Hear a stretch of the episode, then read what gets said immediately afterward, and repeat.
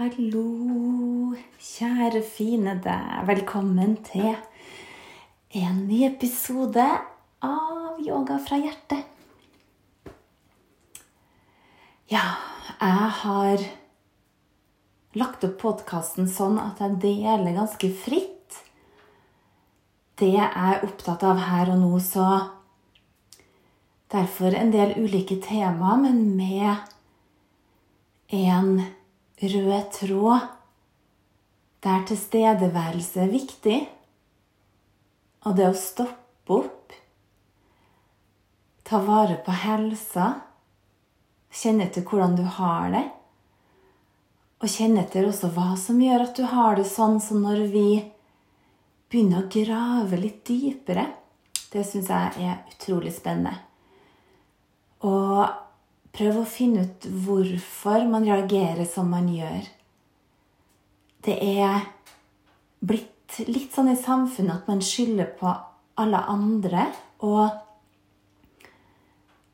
at det stadig vekk er noen som blir krenka. Så det er en ting som jeg er litt opptatt av for tida også. Jeg leser jo en del innlegg på Instagram, og det er utrolig hvor provosert andre blir av mennesker som gjør det bra på en eller annen måte.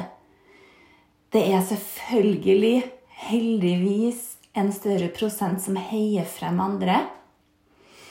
Og det er jeg veldig glad for.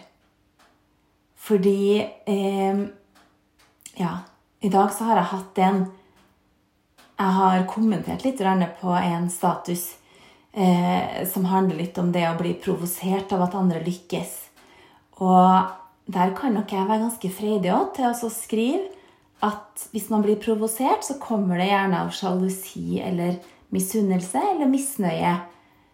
Kanskje med eget liv. Jeg sier ikke at det nødvendigvis er det, men jeg skjønner ikke at folk en gang orker å bruke tid på å la seg provosere av at andre gjør det godt. Det er for meg litt sånn Å, herregud. Um, og så, hvis det er lov å si det Det her er jo sikkert òg litt ukorrekt å si. Men jeg syns det er litt morsomt. For meg så blir det litt sånn I'm here for the drama, baby. Um, det blir litt sånn Oi, jeg syns det blir litt komisk, for jeg klarer ikke å ta det helt sånn seriøst. Og selvfølgelig Hvis det er noen som uttaler seg veldig slemt om andre, eller diskriminering og alt sånn, ja, det skal vi bli provosert av. Men kanskje ikke hver gang nødvendigvis, for noen ganger tror jeg at vi er godt i å bare heve oss over det. da. Men innimellom så er det også viktig å si fra hva som ikke er greit. Og, um, så det er noe, men at noen lar seg provosere av andres lykke, da ja, ja, det forundrer meg. Eller det er ikke det at jeg blir overraska, for det er jo veldig mange mennesker som er, sjalus, eh, som er grepet av sjalusi og misunnelse. Og Kanskje ikke med vilje heller, sant? men jeg syns det er helt fantastisk hvis noen klarer å innrømme åh, nå blir jeg egentlig litt sjalu, men jeg jobber med å kjenne på den følelsen, og jeg jobber med å gå litt dypere i meg selv og finne ut hva det er jeg heller trenger å jobbe med, slik at ikke den følelsen av sjalusi kommer. sant? For da tenker jeg at sjalusi blir ikke Det er ikke budbringeren sin feil. Det er eh, sjalusøyten, skal jeg til å si. Det er den som er blir provosert sin feil i gåseøynene. Da. da er det noe i den personen Hvis man lar seg lett provosere, da, så tenker jeg oi, står man da på tampen og egentlig har ganske mye agg fra før hvis man fort blir provosert. Og ja, det er sikkert lett for meg å si som veldig sjelden blir provosert, for at jeg orker ikke å henge meg noe særlig opp i eller egentlig ikke i hele tatt. Jeg gidder ikke å henge meg opp i andre sitt liv. Jeg kan la meg inspirere, og jeg syns det kan være morsomt og kan få gode tips. og sånn. Men å begynne å synse om eller la meg provosere f.eks. av at noen gjør det bra eller har det godt Altså seriøst, det, altså, det, det ligger bare ikke i meg. Jeg konsentrerer meg om mitt liv og familien min sitt liv. Vi er en familie på seks. Og jeg er fullt opptatt med det. Og selvfølgelig også andre utenfor den nærmeste familien som står meg nær. Og ja Jeg tenker at man velger litt hvordan man ønsker å bruke tida si. Og i forhold til det å være sin egen lykkes med, så er det nok også mange som lar seg provosere av det. Og det å være sin egen lykkes med betyr ikke at du kan bestemme hvor mye du skal tjene. Bare sånn Ja, nå smir jeg meg sånn at jeg tjener en million i året. Det, det, er ikke nødvendigvis så lett. Det kan være en lang vei å gå, men hvis det er målet ditt, da, så tenker jeg Hvem kan stoppe deg? Det er jo bare du sjøl, egentlig. Fordi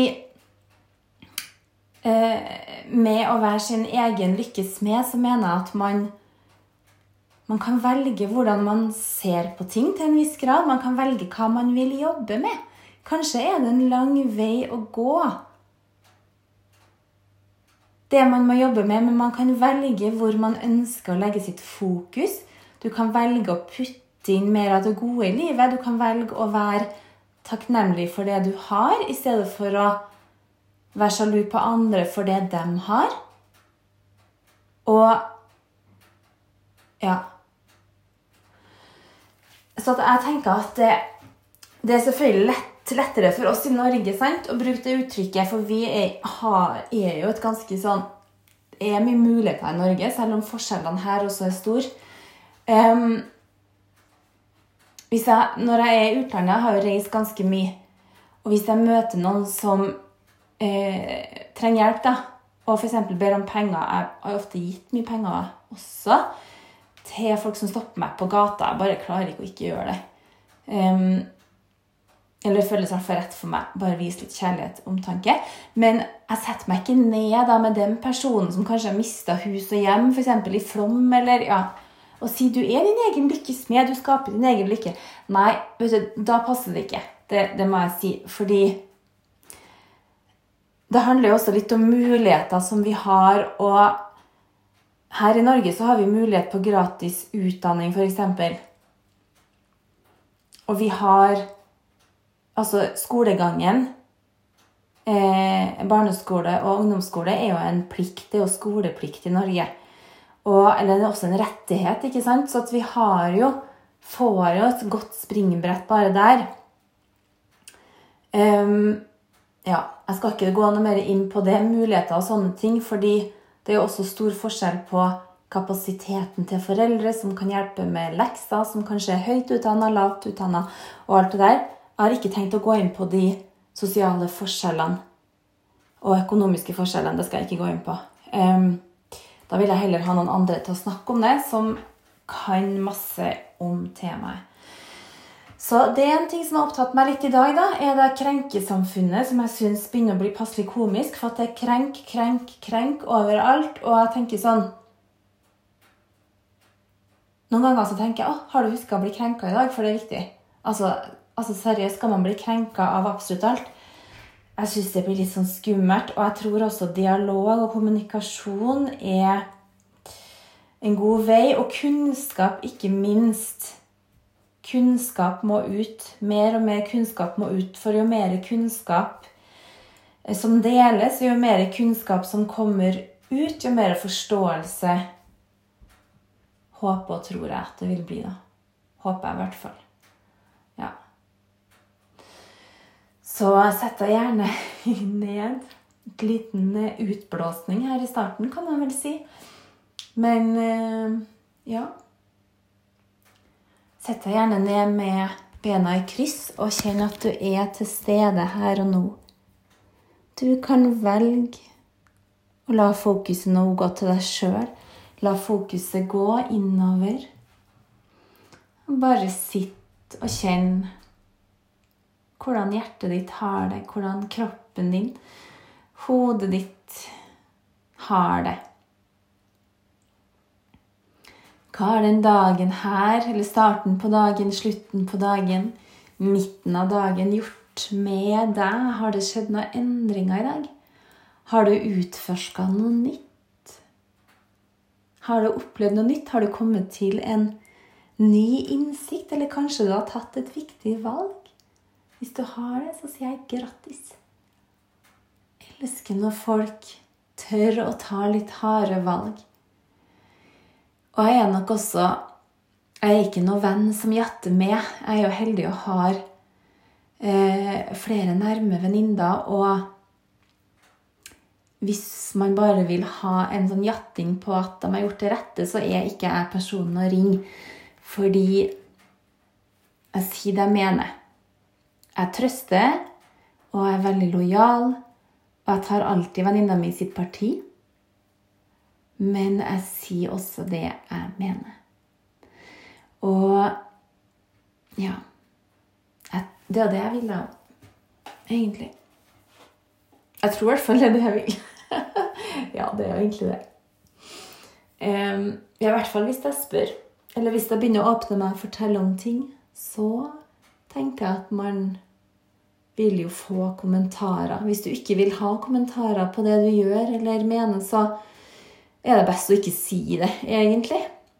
Og visse ting tror jeg vi burde holde for oss sjøl òg. Jeg prøver jo men Jeg er jo egentlig av den oppfatning at har du ikke noe positivt å si, så bare hold det for deg sjøl. Med mindre at det er noe viktig som må bli sagt. Og at det er noe som du tror kommer til å ha en positiv ringvirkning. Ja. Noen ganger må man selvfølgelig si noe som kan såre også, men hvis du f.eks. har tatt et valg da, om å gå fra noen sant? Det er, at, det er jo da positivt for deg, sannsynligvis, siden du har valgt det. Men det må man jo si. Og ja Så hvis du har satt deg godt til rette nå, kanskje hente deg en kopp te jeg sitter igjen i badstua, så nå har det her tydeligvis blitt greia mi at jeg setter meg inn i kald badstue, fyrer opp ovnen, og nå kjenner jeg jo at høsten har kommet her i Trondheim, og det er egentlig så utrolig koselig. Jeg har tatt med en kopp med energisk ingefær. Um, te med honning fra min kjære svigerfar. Han er jo birøkter, blant annet, og lager honning sjøl. Og jeg bare elsker det. Det er så koselig. Så vi har fått med oss mange honningbokser hjem fra Oterøy, hjem fra sommerferie nå i år. Så honning i den teen. Forresten så lager jeg boba-te før i dag.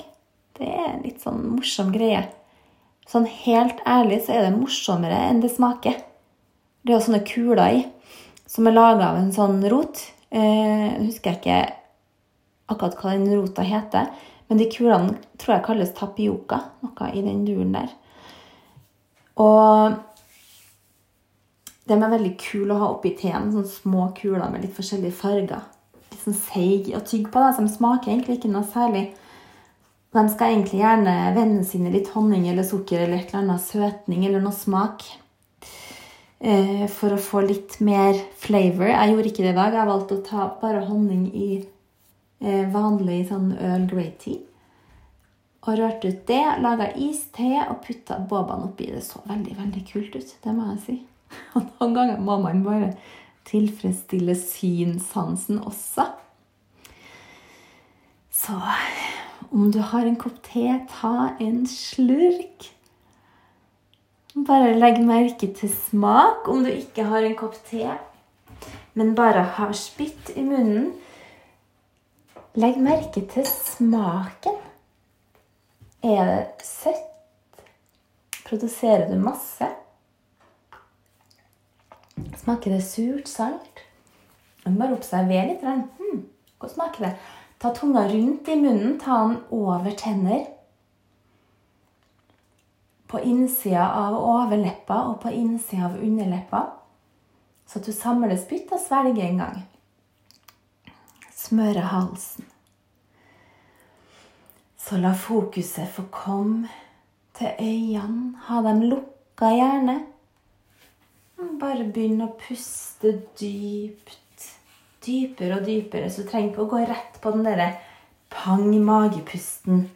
Den veldig dype pusten med en gang, men bare la den få lov til å bli dypere etter hvert.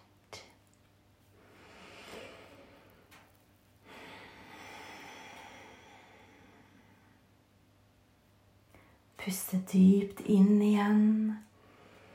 Gjennom nesa, og ha gjerne munnen lukka, leppene sammen, men mykt, ikke presse. Bare la leppene få hvile mot hverandre. Puste inn og hold pusten et par sekunder.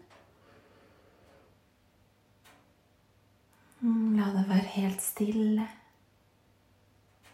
Og puste sakte ut. Prøv å bremse ut pusten din rolig. Og igjen pust inn. Og hold.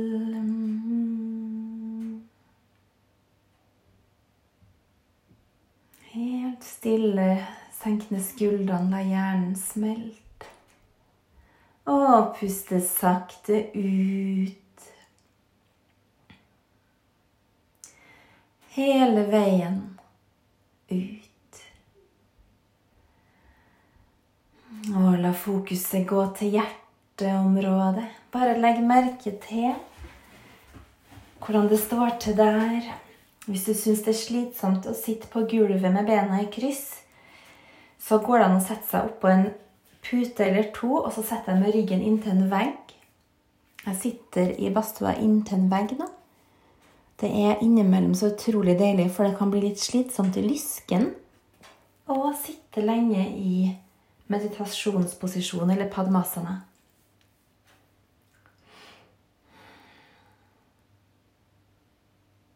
Toppen av hodet strekkes opp mot taket.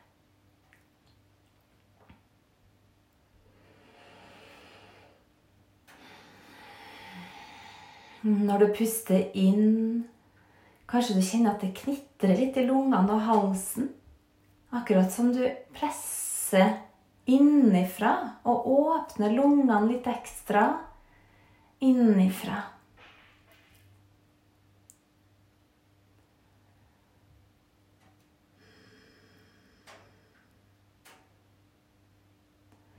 Ansiktet mykt, ørene slappe av. Og la ryggen forlenges.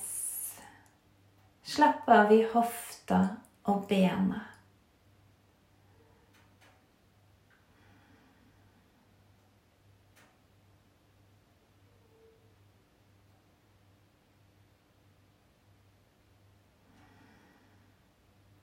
Sitt helt rolig. Bare se om du kan finne en stilling hvor du ikke rører på deg de neste minuttene.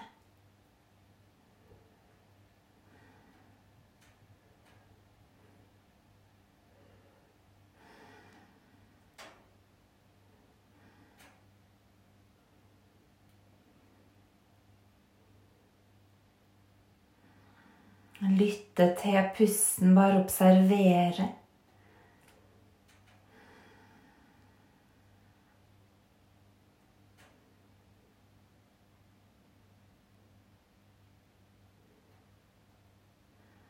Du trenger ikke å puste dypere enn det som er normalt for deg. Men la pusten få være akkurat som den er.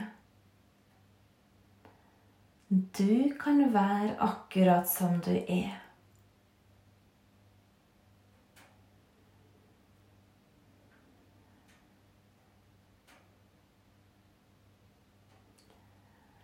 Jeg tror at hvis man ønsker å ha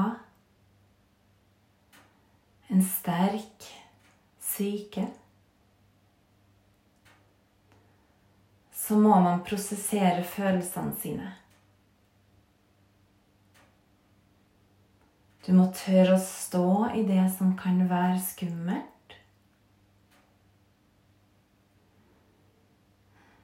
Du må tørre å la det som er vondt, få komme opp og ut i lyset. Kanskje kjenner du på det litt og litt, ikke alt på en gang. Men kroppen vil bearbeide. Hvis du hele tida rømmer og springer Det er for det første utrolig slitsomt. For det andre så vil du ikke være så lykkelig som du kunne ha vært. Tror jeg. Så det å stoppe opp og tørre å være til stede, kjenne til hva som kommer opp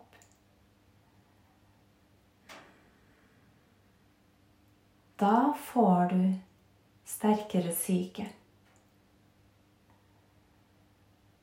Da lærer hodet at du tåler å stå i det som er hardt.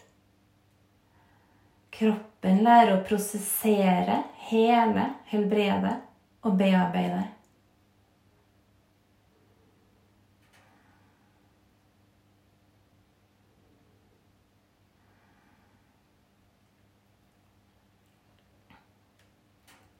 Yoga lærer deg å kunne sitte stille i båten selv om bølgene skvulper og slår over det. Selv om det er kaos rundt deg, så kan du være helt fredfull, harmonisk og stille.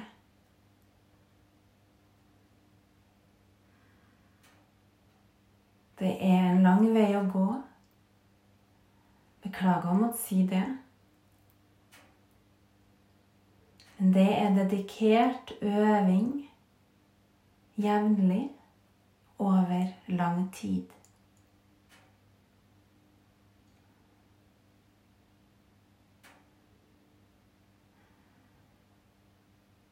Så bare se om du kan sitte i deg selv akkurat som du er.